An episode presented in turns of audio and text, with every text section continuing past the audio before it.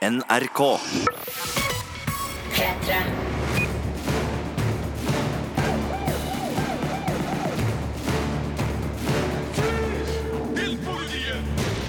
Velkommen til Filmpolitiet. Det er da femte juledag og på tide å runde av året, eller hva, Marte og Sigurd?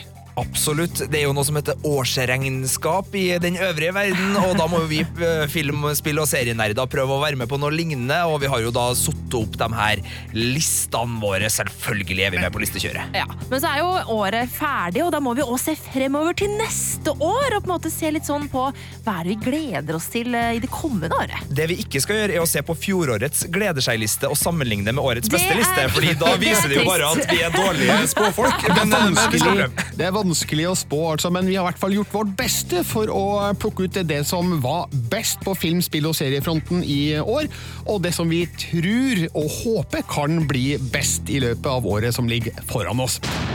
Filmpolitiet På P3. Nå skal vi oppsummere filmåret 2017. Vi, det er Marte, Sigurd og meg, som heter Birger. Og eh, vel, det har vært utrolig mye bra film, dere. Vanskelig å velge noe?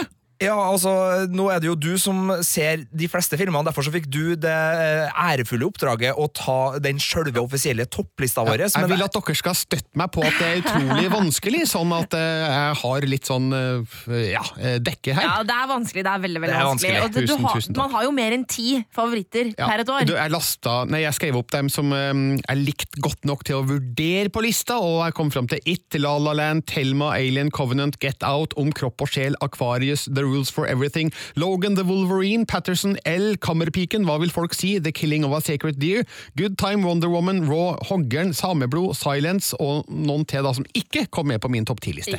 Nå ringte folk fra trøndersk hiphop her og lurte på om du var tilgjengelig for rappoppdrag. For det der var litt av en eh, verbal levering. Men er ikke jeg med på topp ti-lista di? Er det det Nei, du prøver å si? de, de er ikke det. La meg fort ta de som er på tiende til fjerdeplass. Okay. Um, skal vi se, Nå må jeg bare bla litt i mine egne notater her for å finne frem. På tiende The Square. På niende Dunkerque.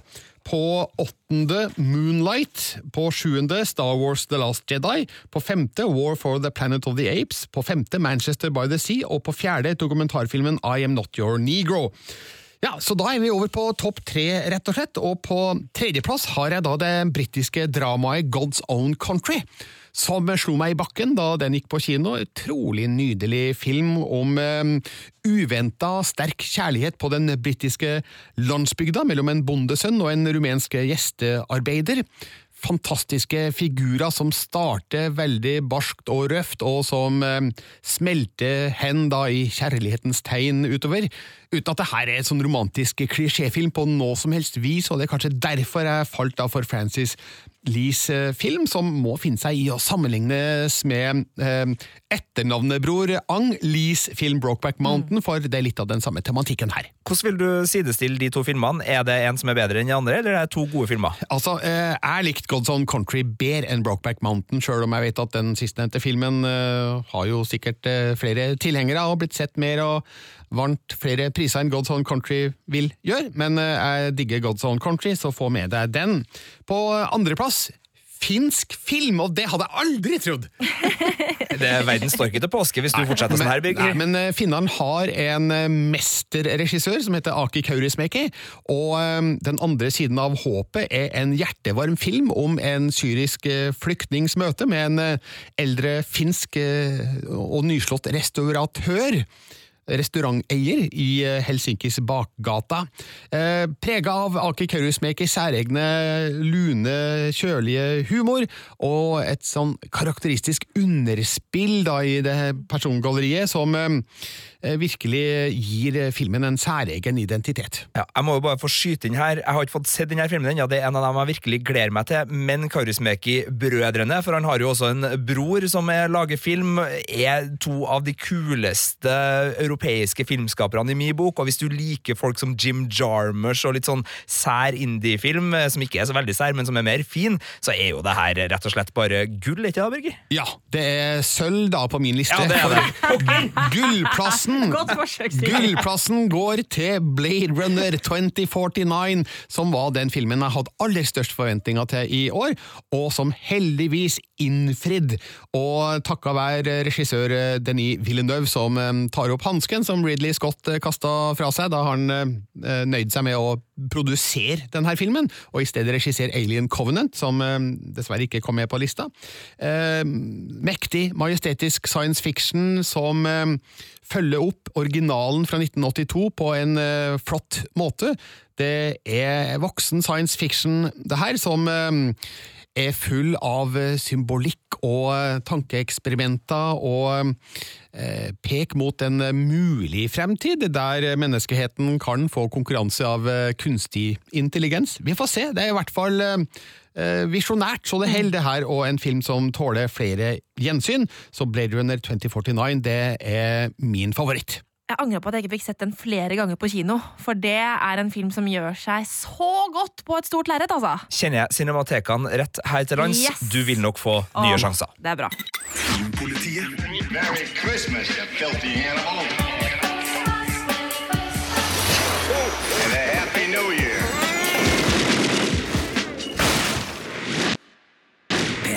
Vi oppsummerer film, spill og serieåret i dagens Filmpoliti, siden 2017 straks er over. Vi har allerede vært gjennom film, og nå skal vi se på spillåret. Eh, Og da er det du, Marte Hedenstad, som skal fortelle oss hva som var best. Yes, Det er jo en topp ti-liste, det her. Det har vært enormt vanskelig å sette den opp, men jeg kan jo eh, ta de lavere rangeringene først. Eh, på tiendeplass Assassin's Creed Origins. På niendeplass Resident Evil Biohazard. På åttendeplass Wolfenstein 2 The New Colossus.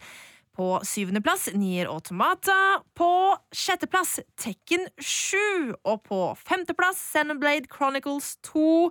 På fjerdeplass Cuphead, en liten indie-perle der. Og så skal vi da til tredjeplassen, og der finner vi en munter, litt småsjuk liten kar med bart, nemlig Super Mario i Super Mario Odyssey! Å, herregud, enn at Super Mario fremdeles kan gjøre seg gjeldende på spillfronten eh, hvor mange år etter debuten? Altså 87-ish, var det ikke noe sånt? Jo, Noe det var jo, det var jo Nei, 1985, det var jo- det var vel da Nintendo Nes eh, 8-bit kom? Det var 30-årsjubileum for et par år tilbake, stemmer det. Ja. Eh, Så det er god stemning i Super Mario Odyssey, og det er et av de aller aller beste Super Mario-spillene som har kommet noensinne. Eh, Det er fullt av livsglede og herlig utforskningsglede og mye moro, og det er veldig lekent og variert og bare full fres, altså. Men hva om alle sammen som klager på disse månedene, Marte? Jeg har jo ikke spilt det. Hva er det de driver og klager på? Måned. Du skal samle inn eh, Du skal samle inn noen måneder som du skal fylle opp eh, Odyssey-skipet ditt med for å kunne fly videre til neste område, fordi du er selvfølgelig på jakt etter Bowser som har stikket av med Peach nok en gang. Ja, og de som klager på månedene, de tar feil, De eh, tar, ifølge filmpolitiets Filmpolitiets feil. offisielle forklaring. Oh yes, Ja, okay. Det er kjempespennende å drive og finne de månedene som er vanskelig å oppdage hvor er. Så det er bare tull, de som klager. Super Mario Odyssey, terningkast seks. Og det spiller man på Nintendo. Nintendo Switch. Uh, og det gjør det også uh, på andreplassen, uh, for det er nemlig The Legend of Zelda Breath of the Wild. Nok en splitter ny spillfigur der!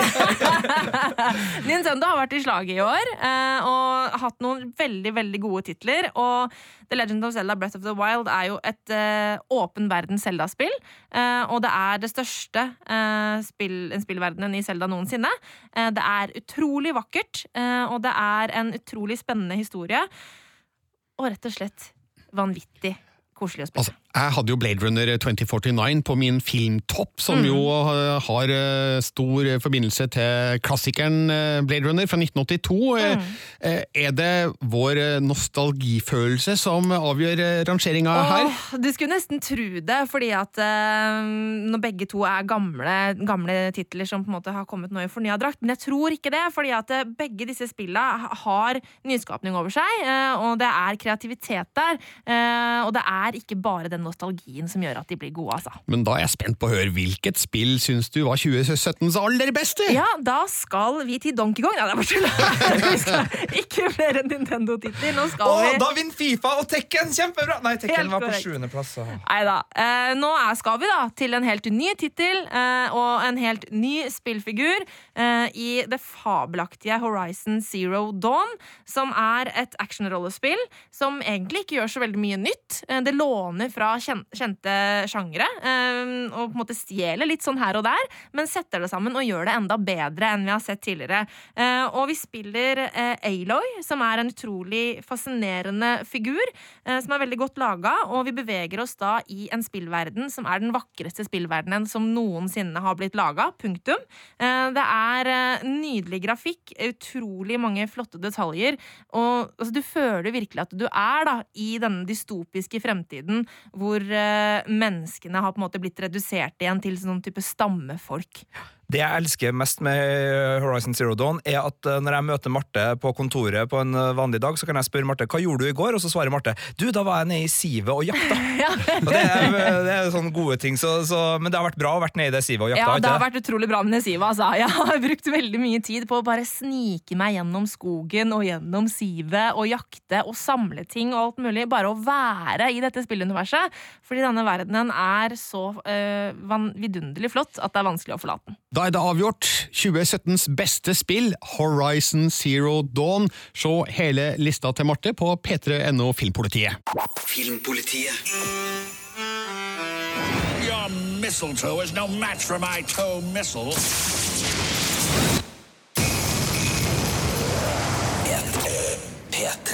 Vi har oppsummert filmåret 2017, vi har oppsummert spillåret 2017, vi har igjen eh, TV-seriene, og her har vi da de perfekte til å rangere de beste seriene fra året som har gått. Yes! Marte Hedenstad og Sigurd Vik. Sofagrisene. Ja. Man skal finne seg i så mye på jobb, men du har helt riktig. Jeg er en skikkelig sofagris. Dere, dere sitter i sofaen hjemme i arbeidstida og ser serier som dere skal anmelde. Er det ikke vakkert? Sofagris er helt riktig uttrykk. Hva har vært best i år? Å, det har vært utrolig mye bra, og vi bare ramser opp, gjør vi ikke det? Start på ti, du, Jeg Marte. starter på ti. Der har vi The Marvelous Mrs. Maisel. Niendeplassen går til Game of Thrones. Og på åttendeplass har vi Skamsesong fire. Sjuendeplassen er The Deuce, pornoserien fra HBO. Men ikke bli for glad nå, folkens, for det handler bare om pornoindustrien. Eh, Men det er litt nakenhet. På sjetteplass det er Vietnam War, som heter Vietnam på norsk, ligger i nett-TV. Strålende dokumentar.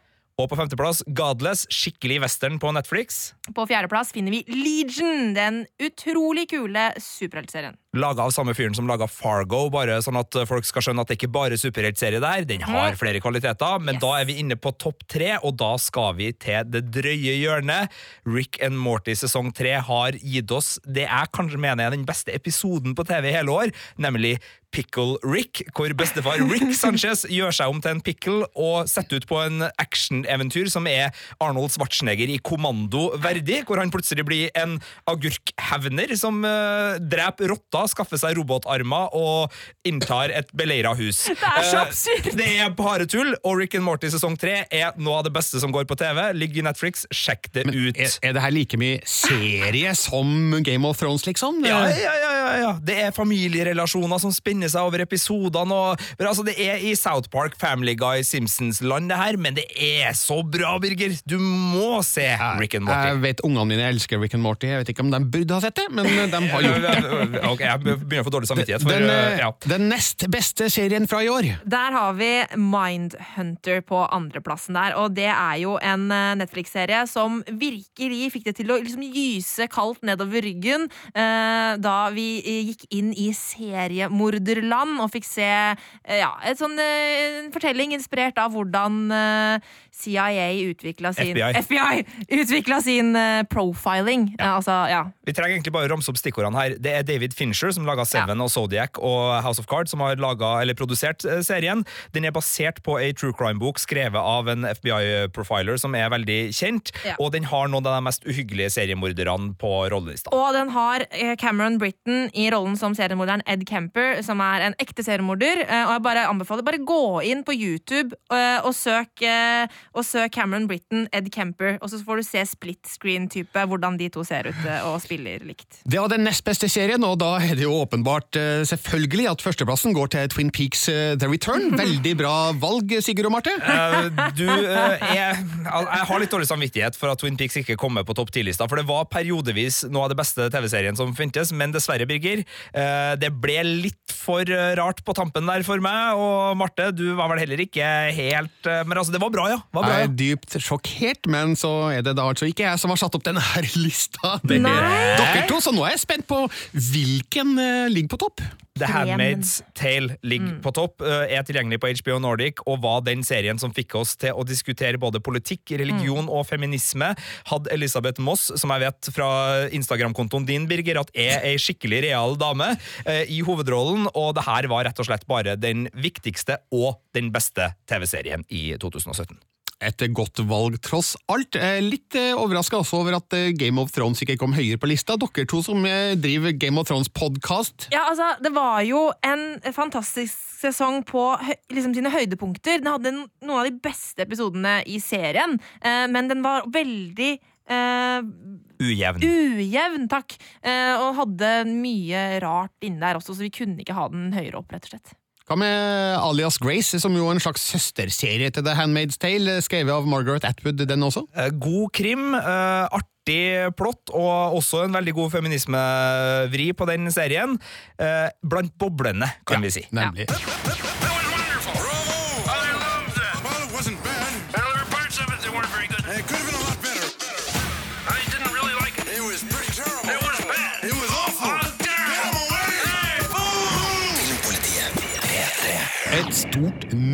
år ligger foran oss. Det heter 2018, og hvilke filmer har vi i vente? Ja, Det har jeg tatt en eh, titt på. Jeg vet ikke om eh, dere, Marte og Sigurd, eh, har tillit til at jeg har de beste tipsa her nå? Nei, Hvor mange superheltfilmer fant du, sånn cirka? Eh, skal vi se, det er vel i hvert fall én, kanskje to her. Ok, Ok. Og Da, da har du raffinert det ned til liksom, ting som du virkelig gleder deg til? da Ja, altså, Vi ble enige på forhånd om at vi skulle eh, ramse opp tre filmer, tre spill, tre serier. Det Jeg greide ikke å, å bare ta tre, jeg må ha litt mer tid på meg. Eh, starter først da med mm, The Shape of Water, som har premiere 16. februar. Den siste filmen fra Guillermo del Toro, eh, som jeg har lest eh, veldig lite om, fordi jeg prøver å la være. Men jeg har fått med meg at den har fått veldig veldig god mottakelse i, i USA, og at spesielt Sally Hawkins sin hovedrolle berømmes. Og den er nominert til Golden Globe allerede, så Ja, også- følg med Oscar, liksom. Jeg har, jeg har greid å unngå å finne ut hva den egentlig handler om, så jeg prøver å stille med så blanke ark som mulig, så får vi se om det holder da, eh, fram til 16. februar. Eh, en måned senere, 16. mars, kommer den nye Tomb Raider-filmen eh, av Roar Uthaug, som har Alicia Vikander i rollen som Lara Croft. Yeah, det blir gøy! Ser veldig tøft ut på trailerne som har kommet, og bildene vi har sett. 25. mai eh, tror jeg i hvert fall den har norgespremiere. Eh, Solo, A Star Wars Story. Den frittstående Han Solo-filmen, som jo har vært eh, litt eh, turbulent i produksjonsfasen, med utbytting av regissører, men jeg har tro på at er Ron Howard som tok over eh, roret. Han greier å ja, lose det her i trygt i land. For ikke å snakke om Donald Glover som Lando. Ja, jeg vet litt knapt hvem det er, men oh, han er flin. Fra Atlanta og fra eh, Community. Ok. Okay, Greit. Deadpool 2, da, 1. juni, den eh, har jeg klokketro på. Klokkertro på, heter det. Ja, det heter For det. at det var jo en rasende morsom første film. Og eh, kan man matche det i oppfølgeren? Oh, håper det. Ja, det gjør jeg også, men den lille smakebiten vi har sett allerede, eh, med Bob Ross-tema, Ja. for de som vet hvem Bob Ross var, så eh, tyder det på at de har i hvert fall ikke mista sin humor. Og det håper jeg også er tilfellet i filmen som har USA-premiere 15. juni, men eh, 31. august dessverre i Norge. Litt lenge å vente på De utrolige to! Kommer den så lenge etterpå? Ja, den gjør det, dessverre, men de må ha kanskje litt tid på seg til dubbing og sånt. Oh, ja, Her må jeg få vi mer info. Det vet ikke jeg hva er. Kom igjen. De utrolige. Å ja. The Ja, Incredibles. Ok, for jeg tenkte De utrolige to, som i sånn uh, Fantastic Four. Oh, ja. Altså at det var oh, en ja, nemlig. Ok, så, så jeg tar litt mer juleferie. Hvis dere bare unnskylder meg litt. Nei, Dette er altså en ny Pixar-oppfølger som jeg har veldig store forhåpninger til.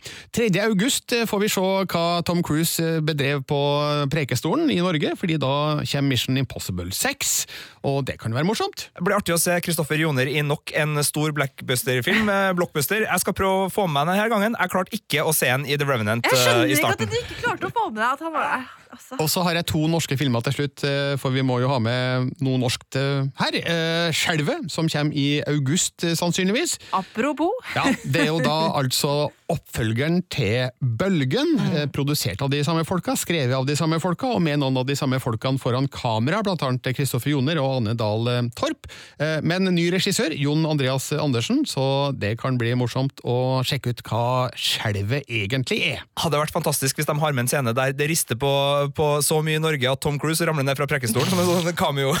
Eh, ja, det hadde vært morsomt. Så eh, la oss håpe at det skjer. Og så må jeg også nevne eh, en film som har premiere om ganske nøyaktig ett år, altså 25. desember 2018. Sonja, i regi av Anne Sivitsky, med Ine Marie Wilman i hovedrollen som den legendariske norske isprinsessa Sonja Hennie.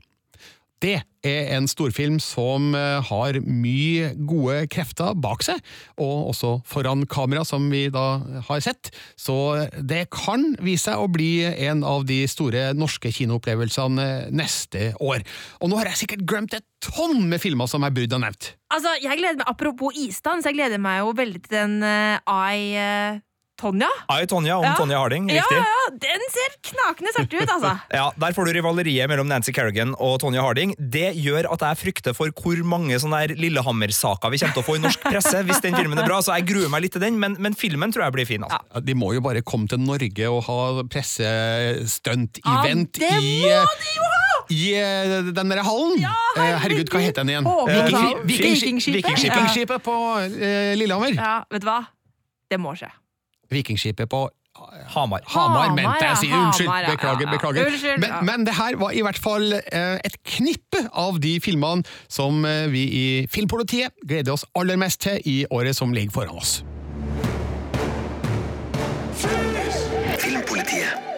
Og nå skal vi se nærmere på hvilke spill som vi har foran oss i 2018. Marte, er det noe bra på gang? Det er så mye som ser spennende ut, eh, og det er masse eh, mye sånn der nytt og, og sånn smått, sånn som for eksempel Frostpunk, eller så er det mye sånn tilbakevendende uh, titler som God of War. Uh, Men, men Ikke for å spolere alt, nå, Ja. Marte, men, men hvor mye av det her kommer ikke til å bli utsatt? For det er jo ikke noe tvil om at Ja, eh, altså- spillelistene våre pleier å bestå av spill ja. Som stort sett Nei, ikke stort sett, det var vel tre av ti vi hadde på topplista i fjor, ble utsatt. Så Ja, det er ikke så ille. det Nei, fortsett du. Det er en del som blir utsatt, og jeg um, har nok et par sånne på topplista over ting jeg gleder meg mest til i, i, i år også. At det er en fare for at det kanskje blir utsatt, men jeg krysser fingrene. Uh, jeg har valgt ut da tre, da. Uh, Topp tre. Ja, Du har greid har å besinne deg til det? å besinne meg. Uh, og på tredjeplass over det jeg gleder meg aller mest til i 2018, så finner vi eh, en god gammel slager, nemlig World of Warcraft. Den syvende utvidelsen, Battle for Azeroth. Eh, Ja, Den syvende utvidelsen, er det liksom Yes. et fullverdig spill? Ja, det er jo det. Eh, fordi eh, man får jo mm, forhøyet altså level-capen med ti nye nivåer. Du får to nye kontinenter, nye raser og nye dungeons og nye raids. Samtidig som at vi skal ta det litt sånn back to basic med kampen mellom Horden og alliansen. Så det her blir så bra, det. Det blir en ny, fullverdig historie. Blir det bedre enn World of Warcraft-filmen? Eh, jeg vet at du syns at den ikke var så bra. Jeg syns World of Warcraft-filmen var underholdende. Det, så det syns jeg og Marte. Så her, Sigurd, er du alene i Jeg stilte bare et spørsmål. Blir det bedre enn jeg sa? Ingenting jeg hørte at du bare stilte et spørsmål, og eh, det var crash and burn, baby. Crash and burn. Hvilke andre spill gleder du deg til i 2018, Marte? Jeg gleder meg veldig til Far Cry 5. eh, Og Det er ikke bare fordi at eh, vi får en ny, stor, åpen spillverden som man kan utforske, åpne nye områder, gjøre oppdrag og alle de tingene som følger med et Far Cry-spill, men eh, også av temaet for, eh, for spillet. Vi skal til Montana. Eh, vi skal til en litt sånn ja, kristenfundamentalistisk sekt og, og litt sånn fascistiske tendenser. Eh, det er veldig spennende at Ubisoft eh, på en måte beveger seg i på en måte det politiske landskapet som man kan se tendenser av i USA nå.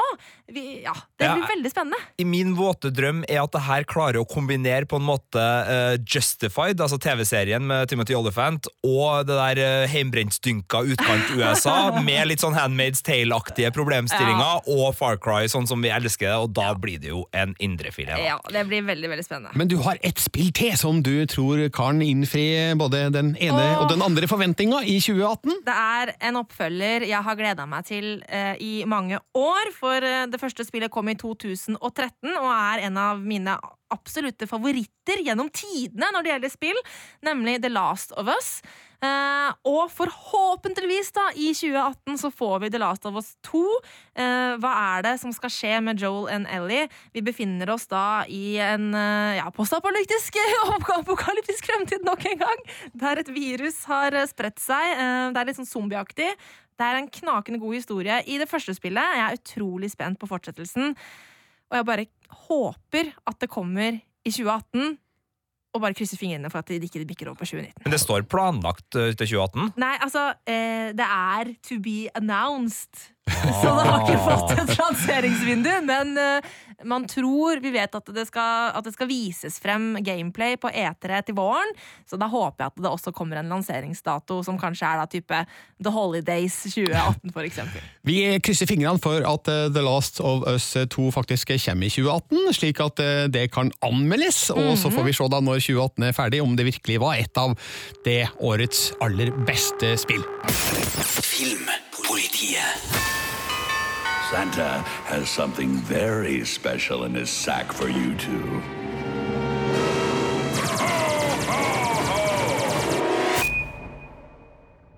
P3. Her i studio i dag, eh, både Marte og meg sjøl, Birger, men det er Sigurd Vik som skal gi oss godbitene som kommer på TV-skjermen i løpet av 2018.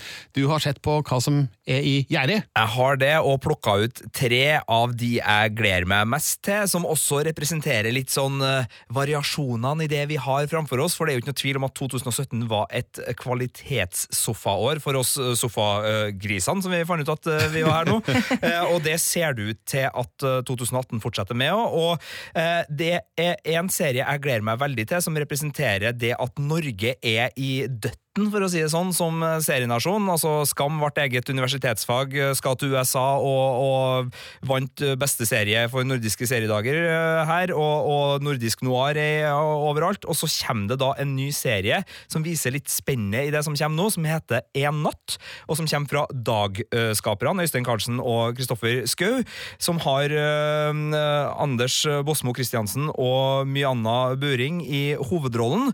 Og jeg har sett første episoden, og det her er kule greier. Det er et uh, nesten sånn filmatisk svennestykke. Det er en date i Oslo som foregår i ei natt i Oslo, der hver episode foregår i såkalt real time, så vi følger denne daten da, mellom disse to menneskene, eh, som blir som en slags sånn mini-road-movie gjennom Oslo.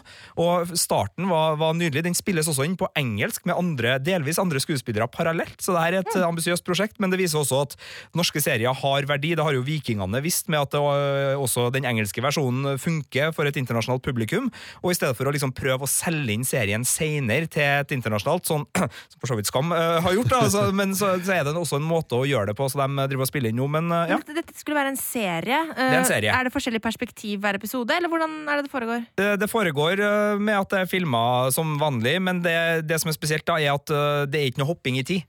Eh, Det er bare Neste okay, episode ja, begynner der forrige sånn, episode ja. slutter, og så Og følger vi men, bare Men deres hele sesongen er bare den ene natten? Det er bare én natt Ja, okay, på én sesong. Altså Filmes det én en tagning, eller er det litt Nei, det vanlig var, klippestruktur? så ut til å være vanlig klippestruktur i det, men det er den eh, tidsbiten som er det, det spesielle sånn, grepet her. da. Jeg digga jo Dag, digger den gjengen her, og det så veldig lovende ut, det som kom. Kan jeg Men bare si, Veldig morsomt at jeg lagde en serie som heter Dag, og nå skal de lage en serie som heter En natt. det var helt merkelig eh, bra. Eh, et metagrep av de gode der.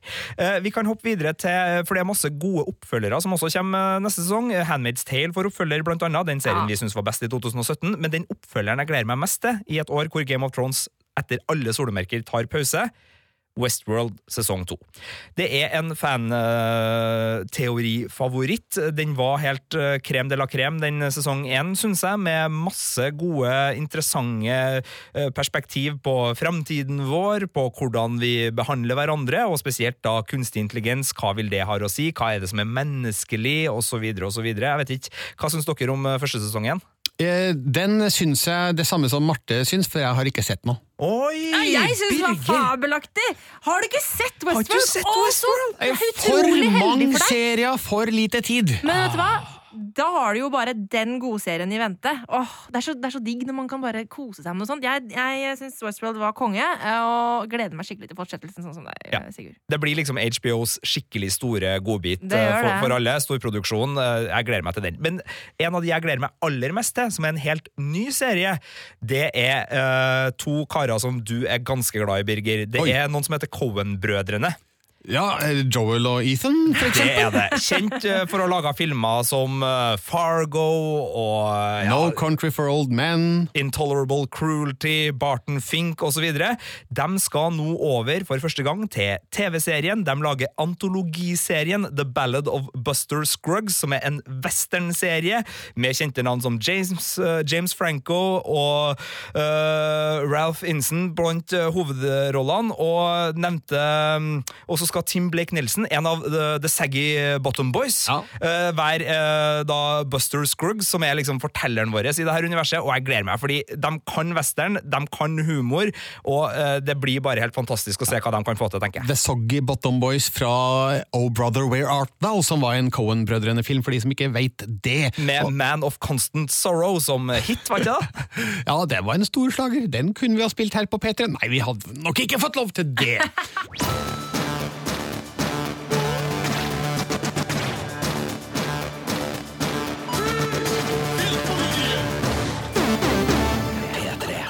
Du finner flere podkaster på p3.no podkast.